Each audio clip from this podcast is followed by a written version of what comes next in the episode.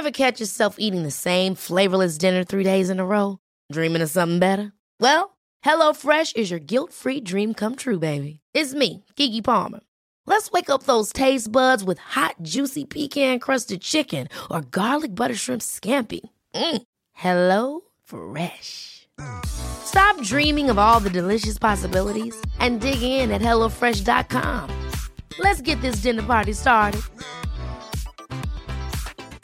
Quality sleep is essential. That's why the Sleep Number Smart Bed is designed for your ever evolving sleep needs. Need a bed that's firmer or softer on either side? Helps you sleep at a comfortable temperature? Sleep Number Smart Beds let you individualize your comfort so you sleep better together. JD Power ranks Sleep Number number 1 in customer satisfaction with mattresses purchased in-store. And now, save 50% on the Sleep Number limited edition Smart Bed for a limited time. For JD Power 2023 award information, visit jdpower.com/awards. Only at a Sleep Number store or sleepnumber.com. Cool fact a crocodile can't stick out its tongue. Also, you can get health insurance for a month or just under a year in some states. United Healthcare short term insurance plans, underwritten by Golden Rule Insurance Company, offer flexible, budget friendly coverage for you. Learn more at uh1.com. Selling a little or a lot? Shopify helps you do your thing however you cha-ching. Shopify is the global commerce platform that helps you sell at every stage of your business. From the launch your online shop stage to the first real life store stage, all the way to the did we just hit a million orders stage. Shopify is there to help you grow. Shopify helps you turn browsers into buyers with the internet's best converting checkout. 36% better on average compared to other leading commerce platforms because businesses that grow grow with Shopify. Get a $1 per month trial period at shopify.com/work. shopify.com/work. Quality sleep is essential. That's why the Sleep Number Smart Bed is designed for your ever evolving sleep needs. Need a bed that's firmer or softer on either side? Helps you sleep at a comfortable temperature? Sleep Number Smart Beds let you individualize your comfort so you sleep better together. JD Power ranks Sleep Number number 1 in customer satisfaction with mattresses purchased in-store. And now, save 50% on the Sleep Number limited edition Smart Bed for a limited time. For JD Power 2023 award information, visit jdpower.com/awards. Only at a Sleep Number store or sleepnumber.com. Har du tänkt på en grej? Mm, nej, vadå? Ganska skönt med det här avbrottet i semestern. Få gå in i en studio några timmar och eh, inte känna sig rosévinsbakfull, inte behöva umgås med barn, inte den där sanden. i- Verkligen, i jag har ju varit så dimmig den här semestern, i alla fall början. Och haft svårt att formulera en mening efter en annan. Så att, eh, det ska bli skönt idag men också jävligt svårt. Ja. Ja, vi får se Men- om det går. Med det säger vi välkomna till krönikörerna med Elin af Klintberg och Hugo Renberg. Måste vi dra vår premiss som vanligt? Eh, jag tycker det. För nya lyssnare. Jag och Hugo pitchar två idéer för varandra, två spaningar. Och så väljer den andra och därefter lägger man ut orden. Precis som en riktigt bra krönika. Får jag börja då? då? Gärna. Okej, min första eh, rubrik är fem livslektioner från Dostojevskij. Som du hör ska jag ta med dig på en kulturell resa. Eh, prata om självbilder, avund, religion. Jag kanske kan lära dig ett och annat. Ja, det låter djupt. Det låter som att du verkligen har ansträngt dig. Ja, ja, Ganska långt ifrån din egen persona. Ja, Ja, okej. Nästa. Så är det. Eh, nummer två, hämnd, ljuva hämnd. Det handlar bland annat om hur jag planerat att misshandla en annan man. Och lite liksom en kärlekshyllning till hämnden som kan vara så jävla härlig och destruktiv och primitiv. Och sen framförallt hur man ska utföra en perfekt hämnd, vad man ska tänka på. Ja, spännande. Ja, men jag måste ju erkänna att jag faktiskt en gång i tiden var helt besatt av hämnd efter att jag blivit dumpad av en kille. Så jag vill gärna höra vad du har att säga om, om det. Spännande.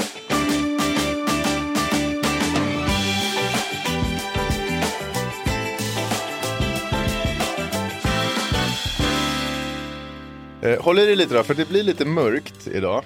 Okej. Jag har en polare vars dotter haft lite tufft i skolan senaste tiden. Framförallt så är det en plågoande som gjort livet surt för henne. En tjej, I guess. Eh, det är en tjej. Verbala nålstick, mean girls-stilen, elaka Mm. kommentarer om rumpor och frisyrer och kläder och så vidare. Alltså killar kan vara, vara jävliga men tjejer kan vara överjävliga. Ja, ja, men så Alltså, är det. På det där sättet som unga tjejer kan vara när de Och är som ofta värst. gaddar ihop sig, liksom flera. Lite så. Och de har haft massa möten om de här problemen i skolan, inget har blivit bättre. Får jag gissa, är det Manilla? Nej, Det är inte det? Eh, Nej. nej. men jag kommer heller inte precisera det här för att Nej, det, om, om, självklart du inte. förstår. Nej, Men, men, jag eh, men nej, det är det inte. Och till saken är att den andra flickans föräldrar har inte varit särskilt förstående heller. Den tycker jag är så konstig. Alltså om någon skulle ringa upp mig och säga att mitt barn var elak, alltså man skulle ta det på sånt jävla stort allvar. Ja, Alltså man blir ju galen när man hör att de avfärdar det liksom. Och nu vill eh, den här flickan inte längre gå till plugget, alltså kompisens dotter. En mardröm för en förälder. Ja. Eh, den maktlösheten. Och, och jag blev väldigt berörd av det här, kanske mest arg för den här fina lilla tjejens skull. Mm. Så medan vi snackade om det så började jag fundera på hur jag skulle kunna hjälpa till på något vis. Bidra till eh, det här problemet. Och då kom jag att tänka på andra säsongen av tv-serien True Detective. Såg du den någonsin? Nej, Jag, alltså, jag tillhörde de som älskade första Mm. och andra så var man bara såhär, vad fan har hänt? Såg två avsnitt, tröttnade. Ja, så tyckte jag alla. Det var ju det, Ah, den säsongen med Colin common. Farrell. Den var ju ganska värdelös, framförallt med tanke på att den första var så sensationellt Ja. bra. Så var det en superbesvikelse. Men det fanns en episod i den storyline som jag tyckte var fantastisk. Och det fanns framförallt så hade den sig fast djupt i mig. Colin Farrell är, han är en försupen snut med stora aggressionsproblem. Han är frånskild, exfrun vill inte låta honom träffa ungen. Ungen är kanske i tioårsåldern eller något sånt där. Och det, det Farrell gör då istället är att han sitter i sin bil utanför ungens plugg och tittar på honom och får sin lilla närhet. Mm, sin dos. Ja, han får sin lilla dos. Och det han ser där från bilen är att hans pojke som är lite tjock, eller rejält tjock, han blir mobbad. Han har sin egen plågande, ett litet svin som är på honom precis hela tiden. Collins lösning på det här problemet det är att åka hem till pojkens hus en kväll, ringer på, det lilla mobbarsvinet kommer ut, Colin ber honom hämta sin pappa. Och pappan kommer ut och då säger Colin till, titta noggrant på det här nu, säger han till pojken. Och så misshandlar han den här pappan rejält medans eh, herregud. ungen står och gråter. Där, där, där, där. Ja, du fattar. Ja, inte en så bra lösning kan man ju säga. Ja, men eh, du säger du. Eh, men när jag hörde min kompis berätta om den här inspirerad, programmen så tänkte jag på det här och föreslog i min eh, ilska som jag var då i sekunden. Alltså, kan, ska inte jag göra som Colin Farrell? Jag åker hem till flickan, ber henne hämta ut sin pappa och så misshandlar jag dem helt enkelt. Så kanske hon lär sig och inte hålla på. Ja, jag tycker att du tar det lite långt också. Ja. Ja. Jag tyckte lite destruktivt men inte helt tokig plan, Ja. tänkte jag. Ja. Men min kompis då som är mycket klokare Han var Han bara hold your tittar- horses. Nej, man bara tittar på mig och liksom på vilket sätt kommer det här göra livet bättre för min dotter? Verkligen. Och det hade jag ju inget bra svar på. Vet du att det Eh, finns ett kinesiskt ordspråk som typ går så här, så här planerar du hämnd, gräv två gravar. Jaha, vad innebär det? Jo, det vill säga att det är... Till dig själv och till den Ja, andra? exakt. För att det är liksom... Dotterns pappa och till mig själv sen. Nej, eh, men, Ska ju säga sen att jag är ju ingen slagskämpe så jag vet inte fan hur det hade gått. nej, Men det, var det, det hade ju bara varit dubbel förnedring. Där hade du legat helt blåslagen och den här lilla flickan hade stått och skrattat och skrikit Pappa Kolla vilket bäst! stort arsle han har, precis som hon gör till. Precis, kolla röven! Ja, kolla med. Vilket jävla häxa alltså. ja. ja, men eh, jag har funderat på hämnd en del. Jag tycker det är så jävla kittlande. Det är så primitivt, aggressivt och lite härligt. Det finns ju det här klassiska uttrycket hämnd är en rätt som bäst serveras kall. Och det handlar ju om att man aldrig ska ge, ge igen direkt Nej, efter. man ska man- aldrig handla i affekt utan planera Nej. sin hämnd Man, noggrant. man ska låta känslorna svalna, låta förnuftet inskrida lite grann men samtidigt vara långsint, långsint som fan och arg. Men man ska vara långsiktig och så långt, långt senare när fienden minst anar det så ska man slå tillbaka. Helt jävla skoningslöst. Alltså jag var ju besatt av hämnd som Ja. jag avslöjade.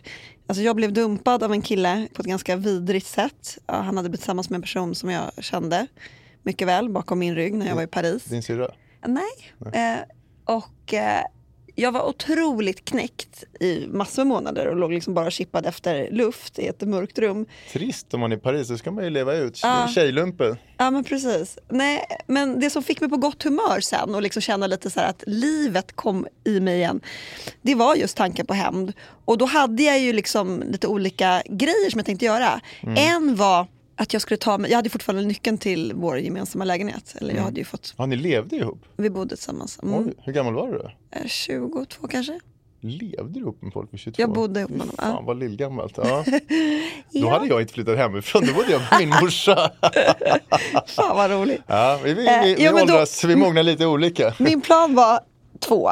Jag skulle ta gamla räkor och ploppa in i en sån här, liksom, eh, vad heter det, fönsterstång, alltså gardinstång. Ja. De, de är ju ihåliga alltid. Mm. Vi hade varit och köpt en sån på Ikea. Och där skulle jag ploppa i de här räkorna, för det är ju liksom det värsta. Stanken kommer först efter typ fem dagar. Och den blir så överjävlig och det är jättesvårt att lokalisera varifrån doften kommer. Och sen då när han flyttade från den här lägenheten, för det var han tvungen att göra för det var ju så vidrig doft. Så skulle han bära med sig gardinstången, hänga upp den i nästa lägenhet Mm. inte och problemet skulle kvarstå. Mm, Bra, va? Ja, den är slug. Och sen den andra, för att han eh, tågluffade ju runt i Östeuropa sen med den här tjejen då som jag kände. Östeuropa? Ja, men det var ju så. Nej, ingen som jag kände. Vad fan ska man dit Men du umgicks ju bara till- med brats på den tiden. Ja, Ja. Vi, vi kände ingen, vad fan ska du till Albanien för du kan åka till, Till Rivieran. Ja. Ja. Ja, men då kom jag på att man kunde, dansmöss, de blir könsmogna på, Ah, ti- ja, ja, på tio dagar. Peta ner dem i Ja, brevlådan. så petar man ner två i brevlådan. Och alltså på tre veckor så är det ju en jävla kull i Ja. lägenheten. Och vad blev det då? Nej men det blev ingenting för att jag mötte honom, jag hade inte sett honom på kanske ett halvår. Så mötte jag honom när jag var ute på en promenad. Och då så bara ser jag hans, liksom, lite kuv, ja, hans rygg som var lite krum och hans fräkniga bleka face. Liksom. Och så frågar han, ja, men hur är läget? Och då bara kände jag i hela mitt väsen att så här, du, jag förlåter dig. Det är bra, det är lugnt. Och där, liksom, där försvann alla tankar på hämnd. För hämnd är ju en väldigt destruktiv kraft. Tycker jag. Alltså, du verkar liksom glorifiera hämnd lite. Men, ja men det är klart att det, att det är är en destruktiv väldigt, kraft. Men det eh, finns ju någonting så jävla mustigt härligt i det. Ja men du var vek, du kunde inte hålla i din ilska. Okej. Ehm, men visst, och du fick inte till Jag har inte heller lyckats få till någon bra hämnd i mitt liv. Men det är inte för att jag inte velat, men det är nog för att jag har varit för känslostyrd, för impulsiv och för kort, kanske inte tillräckligt långsint heller. Men framförallt för impulsiv. Det har liksom varit för mycket här och nu och då blir det ja, inget bra. Nej, ska ju... Då blir det- det att åka hem till någons pappa och försöka slå den och få stryk. Nej, alltså en hämnd ska ruvas på, eller hur? Det ska ruvas. Om Ja. vi ska prata lite om hämnd i kulturen. Hämnd är ju kanske den allra bästa känslan att bygga bra drama på. Ja, för den är så primitiv och så skamlig. Ja, jag vet inte, har du sett mycket av Jean-Claude Van Dammes filmer? Inte en enda. Nej. Eh, Har jag missat någonting? Är det har en du gjort. kulturskatt? Eh, det är en kulturskatt från 80-talet. De byggde väldigt mycket ofta på att en, en bror eller en kompis till Van Damme råkade illa ut i första akten och sen ägnade han andra akten till att träna jättemycket i bara överkropp och sen i tredje så kom han tillbaka och slog. Ja, ja, ja. ja men det finns ju bra hämndfilmer också. Sleepers kanske du har sett. Ja, Men den har jag sett och den är helt fantastisk tycker jag. Den är så jävla bra. Så, bra. Kort spoiler då, för den här, har ni inte sett den så måste ni se den. Fyra små killar som växer upp i Hell's Kitchen i New York. Gör en dum grej, de puttar en korvvagn ner i en trappa tror jag så att en, en, gubbe dör. dör, ja visst. De hamnar på ungdomsvårdsskola, där blir de våldtagna av vakterna. Den värsta jäveln spelas av Kevin Bacon som är ju som vanligt fantastisk. När de här killarna träffas igen som vuxna så bestämmer de sig för att hämnas på sina plågoandar. Och nu ska jag inte spoila mer men de som hämnas kortsiktigt får inte till det lika bra som den som hämnas långsiktigt som är Brad Pitt då, som spelar en helt slug Mm, så sensmoralen är tydlig. Ja, det funkar betydligt bättre att vara långsiktig. Det gör ju det i det mesta i livet, men så även i hämnd. Det de gör i Slippers, de refererar hela tiden till greven av Monte Cristo som ju på något vis är själva moderskeppet av en hämndhistoria. Kanske världens bästa äventyrsroman, skriven av Alexandre Dumas, handlar om en oskyldig man som döms till fängelse på falska premisser. Det är folk som liksom eh, lurar dit honom kan man säga. Lite societetsmänniskor i Paris är det som har satt dit honom. Han tillbringar 14 år i fängelse, där ruvar han på sin hämnd, sen flyr han, återvänder till Paris, tar sig in i den här noblessen igen. som någon annan sorts, i, i någon annan identitet och sen så systematiskt krossar han en efter en efter en av sina fiender. Systematiskt. Fantastiskt. Och Alltså jag litteraturen är ju, är ju fylld av hämnd. Jag, jag tänker på de här isländska sagorna. Där, alltså, hade man stulit från sin granne, Mm. då skulle man klyvas från hjärnan ner till naveln. Men den låter också lite snabb och impulsiv den där. Den Ja. är liksom inte så genomtänkt. Nej, men, och Gamla testamentet är ju särskilt eh, hämndlystet. Alltså, Ja. Där så säger ju Gud, han är ju liksom verkligen som en maffiaboss där och hotar att straffet för fädernas skuld ska drabba barn i fyra generationer. Ja. ja men det är klart att kan man liksom genomleva utan att gå till hem så är det kanske bra. Men fan vad härligt det är ändå med riktigt bra hem. Vill du ha min absolut bästa hämndhistoria som är verkligheten? Shoot. Vet du vem IT-miljardären Peter Thiel är? Eh, nej, inte riktigt. Han, han är en av Silicon Valleys största höjdare. Han grundade Paypal, var tidig investerare i Facebook. Han finansierade Trumps kandidatur. Jag borde ha vetat vem det var hör jag nu. Ja. Ja, nej, men han Mm. är, ah, jag vet inte. Det är en tysk ättling som politiskt befinner sig rätt långt ut på högerkanten. Eh, Lite obehagliga ord där. Tysk och högerkant. ja, eh, och, och så är han homosexuell. Så det, det är en, en Jaha, intressant okej, sammansatt spännande. person. Och för 10-15 år sedan fanns det en sajt som hette Gawker. Eh, eller det var jag ihåg, digitalt mediehus. Skitstort då. Den finns inte kvar eller? Finns den kvar Nej, i det den? kommer, nej, jag ska förklara varför. Det har med nämligen med min hemhistoria att Mm. göra. 2007 hade de en artikel med rubriken Peter Thiel is totally gay people. De avslöjade helt enkelt att Thiel gillade killar. Gud så lågt. Ja. Att göra journalistik av det. Och han gillade inte att ha kastats ut man. ur garderoben ofrivilligt. Han blev vansinnig, det tändes liksom en enorm låga av hat och måltavlan för avskyn var Gawkers grundare Nick Denton som han ansåg låg bakom allting. Mm. Men istället då för att göra något eh, impulsivt, åka hem till Nick Dentons pappa och slå honom eller något sånt dumt. Så kapslade han in hatet inom sig och väntade. Och väntade och väntade på att det skulle uppstå någon form av blotta. Mm. Åtta år senare Oj. så kom den. Då publicerade nämligen Gawker en sexvideo där wrestlingstjärnan Hulk Hogan ligger med sin kompis exfru. Oj, dirty dirty. Ehm, en publicering som såklart är allt annat än kosher. Det, det ska man inte, hur fan motiverar man det liksom? Jättekonstigt. Peter Thiel såg en möjlighet. Han erbjöd Hulk Hogan att finansiera hela hans rättsprocess. Så genom honom då så skulle Ja, han komma han åt. byggde upp en hel armé av USAs absolut dyraste advokater och hjälpte Hulk Hogan att stämma skiten ur Gawker Just det. för den här publiceringen. Och de vann en jordskredsseger. Eh, skadeståndet tror jag landar på över miljarden. Åh herregud. Och det var slutet för den Gawker klappade ihop nätpublikationen. fullständigt. Det Ja. finns inte, det var ändå ett ganska stort mediehus. Det var bara Ja. godnatt. Nick Denton själv gick i personlig konkurs Åh, och herregud. eh, lallar runt någonstans i New York nu utan att vara någon särskild han har- han har en blogg idag. Han har en liten blogg. ja, men är inte det här inspirerande? Ja, det var, men det där är inspirerande. Ja. Tänk att få göra en sån där hemma Ja. Det är lite as där ute som man skulle vilja. Det är bara att Ja. man måste liksom bli bättre på långsintheten. Jag glömmer så fort. Ja, ja, eller hur. Jag är guldfisk vad gäller oförrätter. En dag kanske. En dag.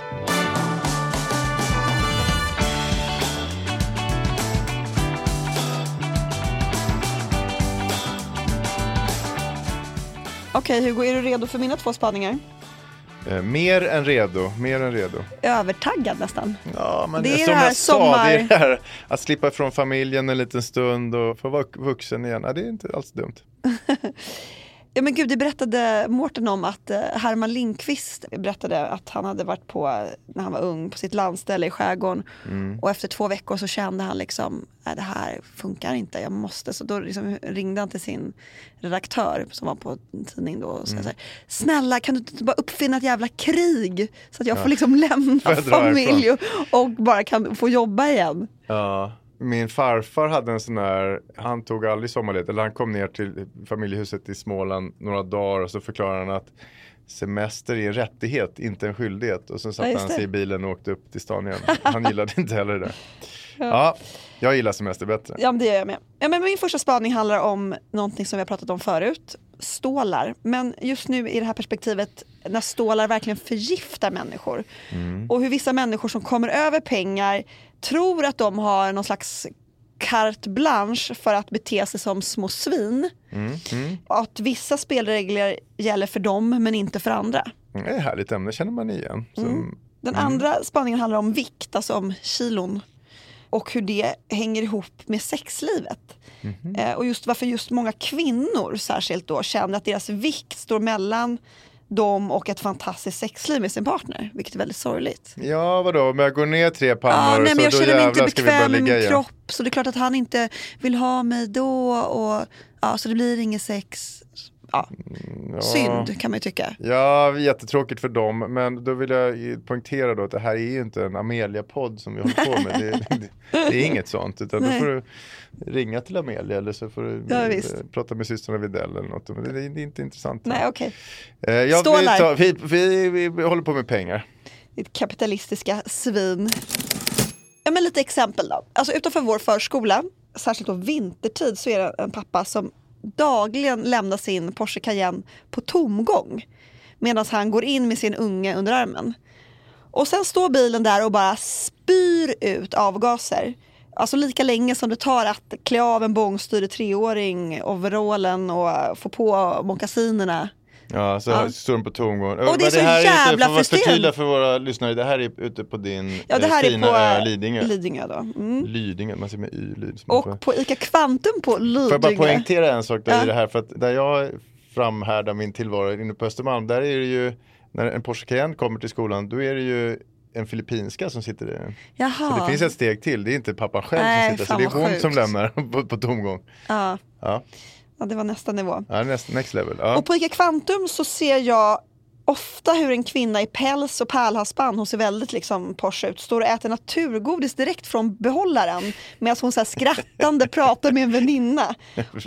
Och liksom vid ett tillfälle är hon så djupt ner i den här lådan så hela den här diamantprydda handen täcks av liksom bananchips. Vad gör expedit? Det är ingen som säger till nu, man Nej, vill ju som- mula ner den där yoghurtbanan. Ja, jag tror liksom att just för att hon ser ut som hon gör på något sätt så backar folk. Ja. Och det har fått mig att tänka då på den här ön då, där jag bor på. Och hur makt och pengar kan få människor att bete sig rätt tveksamt. Visste du att det finns massor med undersökningar som visar att folk i dyra bilar stannar mer sällan vid övergångsställen och att eh, rika människor snattar mycket, mycket mer än fattiga. Har det, stämmer den verkligen? Ja, Det Ja, stämmer bara, ja. det är vetenskap. jag har källor på det som jag kan lägga Källor ut på det, ja just det. Mm. Ja, på vår hemsida som inte är skapad. Visste du att rika människor har fler otrohetsaffärer? Ja men det kan jag ju absolut misstänka. Visste du att rika ljuger mer? Ja. Kommer du ihåg den här otroligt pinsamma smaskiga skandalen i USA? Där 33 föräldrar med jättefet plånbok som gemensam nämnare åkte fast för att ha köpt platser till sina barn på elituniversitet. Som Ja, så- Yale eh, och men Stanford. vill jag upplys mig igen. Vill jag absolut Ja, men jag tror att jag har nämnt det här en gång tidigare. Ja, det men för det, Felicity Huffman från Desperate Housewives och Lori Loughlin från Huset Fullt. Ja, det var ju USAs största nyhet för några år sedan. Ja, ja, ja. Och ut allt. 2019 då så erkände Huffman att hon hade betalt 15 000 dollar till en organisation för att få hjälp med att, för att få ett förfalskat högskoleprov, Ja. som det heter. Ja, men, Och hon dömdes till fängelse. Hon fick 14 dagars fängelse och fick betala och sen 250 timmar samhällstjänst och skyddstillsyn i ett år och eh, böter på 30 000 amerikanska dollar. Men Lori fick det lite tuffare, alltså hon från huset fullt. Hon fick två månaders fängelse, hennes man fick fem månader och så fick de en bot på fyra miljoner. Så att eh, det här liksom straffades ju då. Alltså i sig, jag bara tänker tillbaka på att det här var liksom, det var en av Det var världens största det var nyheter. att- sprängstoff. Det är ju någonting känslomässigt i det där att du cut corners och det stackars strävande duktiga små studenter ska då bli pippade för att det kommer någon jävla berättigad morsa och köper sig vid. Det är så jävla vidrigt. Ja, det är så fullständigt vidrigt. Eh, Liksom. Så att man, ja, man kan förstå att det där eldar tag i folk. Verkligen. Ja. Men, men vad handlar det om då? Varför känner sig vissa människor berättigade att liksom bryta mot regler som andra måste följa? Och eh, enligt en jättekänd eh, neuroforskare som heter Sukhvinder Obi så förlorar människor med makt till slut förmågan att spegla sig. Ja. Alltså det vill säga spe- att eh, leva sig in hur andra människor faktiskt känner sig. Men det är väl som man alltid säger att makt och pengar korrumperar. Men nu pratar vi om pengar egentligen idag, eller hur? Ja men precis. Eh, men det stämmer ju. Alltså, Vet du vad den här maktparadoxen innebär? Nej. Jo, han menar att det är, liksom, det är ofta positiva karaktärsdrag som empati, och problemlösning och entusiasm som gör att människor får makt från början. Men the seduction of power gör att vi förlorar de här egenskaperna som tog oss dit. Det finns ett jättekänt experiment där en försöksgrupp fick som uppgift att rita bokstaven E i sin egen panna. Och då visade det sig att människor med makt ritar det här E helt fel. Det blir liksom rätt för dem själva men fel för alla som ser. Men folk utan makt och pengar ritar E så att de som tittar ser E. Liksom. Mm, mm. Alltså förmågan att se världen ur andras perspektiv har gått förlorat. Man blir korrumperad. Men precis. Ja, men så där är det. Om jag ska titta på min bekantskapskrets så är det klart att din grundspaning stämmer. De som har lite mer tar sig ju fler friheter alldeles för ofta. Eller hur? Eh, visst- Det enda jag kan se då möjligen att det kan finnas någon gräns. Jag ska inte in, in och peka ut folk sådär i allmänhet, men de som har Namn. mycket, mycket pengar kan bete sig lite pissigt emellanåt. Däremot de som har monstruöst mycket pengar, eh, som liksom har chefer för största bolagen på börsen eller familjer. De har blivit ödmjuka igen. Ja men lite kanske för att jag vet inte om det, det kanske är spelat men de har så fruktansvärt mycket att förlora så där har det liksom smugit in en ödmjukhet Ja, senare. om ett du nytt menar. Ja, men jag tror att du har rätt. 200 miljoner då är, kan det vara ett praktarsle men är det liksom Men 2 kan det miljarder då, är det, då har det liksom, då blir det för too much to lose. Så Men då har att- smugit in en, Ja, men du och jag vi har ju hängt med ganska sviniga, superrika människor på Ja. sistone. Jag pratar om dem i Succession och i Exit. ja, de har inte jag hängt med. Har du inte? Alltså du menar generellt om det är- Serierna Succession och Ja, Exit, menar de har de har kommit ja, in i våra vardagsrum ju, eller hur? Eh, absolut, Och absolut. jag, jag kommer ihåg att Adam i Exit, alltså han som är svensken där, han säger meningen alla tror på att pengar är verkliga. Det är den enda religionen. Det säger han i första avsnittet. Ja, gillar du Exit? Ja, men jag tycker att den är bra. Jag tycker det är så vidrigt när man, alltså de här fyra snorrika överklassmännen, hur de bara liksom Alltså de tillbringar ju den mesta delen av sin tid med att snorta, knappa Viagra och festa med prostituerade. Och deras fruar och barn tror att de är, liksom, jobbar sent. Och, för jag tycker ändå att det här visar på ett ideal som har kommit tillbaka. Visst trodde man liksom att 80-talets yuppie aldrig skulle komma tillbaka, att det var en kvarleva från svunna tider, men det stämmer fan inte. Nej, jag, Jag tycker att tyck- jag har sett den där snubben. Alla människor som jobbar med finans har varit sådär precis exakt hela Ja, tiden. du tycker det? För jag tycker att den på Ja. här 20-talet har kommit tillbaka i ett, liksom, mer levande än någonsin. Ja men det är kanske för att det har varit en högkonjunktur och folk har varit rikare men ja jag vet Ja, men jag tycker men jag ihåg- känner för att men just med Exit Succession är ju världens bästa tv-serie tycker Ja, jag. ja. Man kanske inte ska Exit- jämföra de två heller. Det, Nej det de är ju på helt olika divisioner Verkligen, men. Exit är hela det där allting bygger på intervjuer på, alltså jag tror ju inte riktigt Nej det på tror inte det. jag heller. Det tror jag Alltså är de är för överdrivet. skruvade karaktärer. Det är ju roligt som lite satir men även om jag har känt många så praktarslen från finansbranschen så där dumma i huvudet är de inte riktigt. Men du har ju sett Wall Street, alltså Oliver Stones. eh, Ja det är ju ett mästerverk Ja, det. är faktiskt ett mästerverk. Och han sa ju redan i intervju 2015, att, alltså Oliver Stone då, att han sa att Wall Street-kulturen är idag sju resor värre än när han gjorde filmen på 80-talet. Ja. Och Michael Douglas säger väldigt beklämd i en intervju att fortfarande kommer det fram, alltså 35 år efter han gjorde den här filmen, kommer det fram unga brats som bara vrålar Gordon, you're the man! Ja, men jag kommer, jag, mina finansgökar som jag fortfarande är mina vänner, de satt ju, när vi var 25, då hade de alltså Wall Street-kvällar där de satt och tittade på Wall Street, inte som en kulturgrej utan bara som en allmän så inspiration. inspirationskälla. Ja, ja, Fan ja. Fan vet vad de drog i sig där. Men, men det var liksom, där var inte jag välkommen. Jag var Åh en, en simpel murvel. Men det var just att de såg på den av lite fel anledning som var roligt. Ja, Oliver ja. Stone som Utbildningssyfte. vänstermannen. Ja, ja. Alltså apropå det här, för det, det handlar ju om pengar då som korrumperar. Du med dina fina content, miljoner och allting. Har du inte förändrats någonting? Är du samma liksom, supertrevliga kulturkvinna som du alltid har varit? Alltså jag tror inte min personlighet har förändrats. Men jag kan ibland komma på mig själv att tänka Ja men då köper jag det bara. Liksom. Om jag, till exempel jag som har varit ganska sjuk eh, Mm. med mina urinvägsproblem har jag varit så här, ja, men då, bara, då kör jag bara privat. Jag åker till någon klinik i Schweiz och fixar det här. Alltså, du vet, en sån tanke det är ju inte otrevligt mot, alltså visst Ja, du nej, men jag, till det men, nej men jag tror absolut inte att jag du är inte i något mig. sammanhang på en restaurang med en slö servitris som, eller Nej, servitör? jag har, alltid liksom varit, alltså, jag har alltid varit otrevlig mot till exempel taxichaufförer som inte kan vägen. Ja, då, Ja, det- Du har det med dig sen, Ja, sen det sen finns, ja. Du var ett as redan från början. Ja, Nej, för jag kan känna, det är inte för att jag har blivit rik men, men liksom man, folk känner igen en mer och ekonomin är lite bättre. Jag vet inte om jag lite, lite, lite otrevligare i vissa situationer. Det är fint det att du har står nog- för det. har jag nog blivit lite av ett asshole ibland. Men jag Ehm, tänker framförallt på de här kidsen vars rika föräldrar köpte de här äh, högskoleproven till Mm. elituniversiteten. Och det är klart att så här, nej det är inte synd om dem, de har ju fötts med silversked i mun och så. Men, men samtidigt, vad gör det med en ung människa Mm. när man inte får ta sig fram på egna meriter och när man förstår att hela ens existens blir någon jävla lögn. Mm. Det måste vara så otroligt utarmande på något sätt. Och det fick mig att tänka på att redan på min tid, alltså när jag gick i Gångsätra skola så var det två jävligt såsiga brorsor som liksom sov sig igenom hela gymnasiet.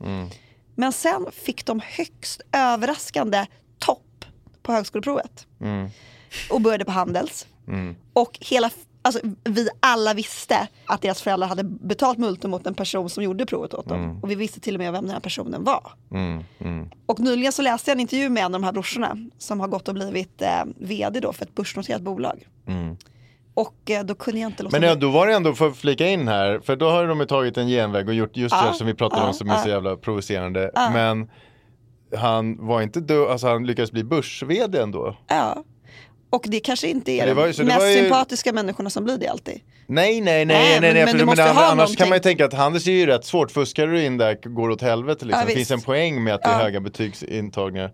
Det gör inte honom till en trevligare person att han klarade det, men Nej, för det enda jag kunde på tänka på, när jag läste den här artikeln var att eh, han stannar förmodligen alldeles för sällan med sin stora feta bil vid övergångsställen. icke, ja.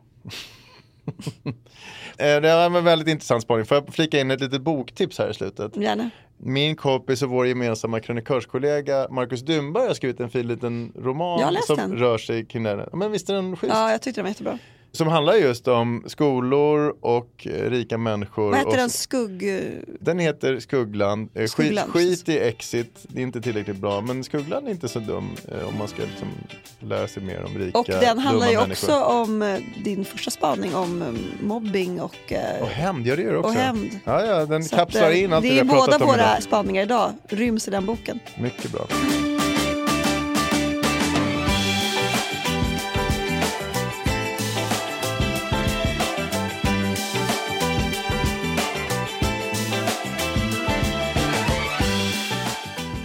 Jag måste säga att jag tycker att det här var ett jävligt spänstigt avsnitt. Ja, men det kanske är det. Lite hängmatta och, och lite brännbollsjuice vid klipporna. Som, Och lite för mycket rosé på kvällarna gör oss ändå till smartare personer. Ja, härligt.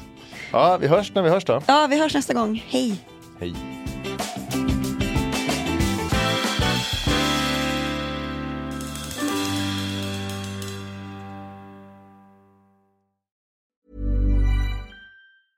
Selling a little or a lot?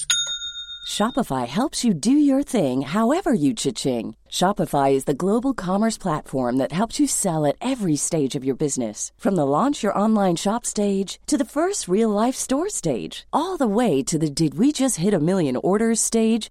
Shopify is there to help you grow. Shopify helps you turn browsers into buyers with the internet's best converting checkout. 36% better on average compared to other leading commerce platforms because businesses that grow grow with Shopify. Get a $1 per month trial period at Shopify.com slash work. Shopify.com slash work. Ever catch yourself eating the same flavorless dinner three days in a row?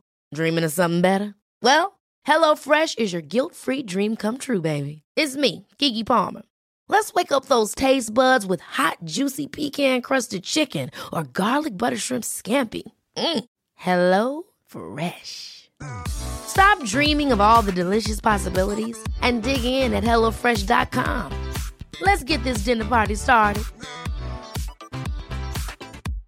Imagine the softest sheets you've ever felt. Now imagine them getting even softer over time. That's what you'll feel with Bowl and Branch's organic cotton sheets. In a recent customer survey, 96% replied that Bowl and Branch sheets get softer with every wash. Start getting your best night's sleep in these sheets that get softer and softer for years to come. Try their sheets with a 30-night guarantee. Plus, get 15% off your first order at bowlandbranch.com. Code BUTTERY. Exclusions apply. See site for details.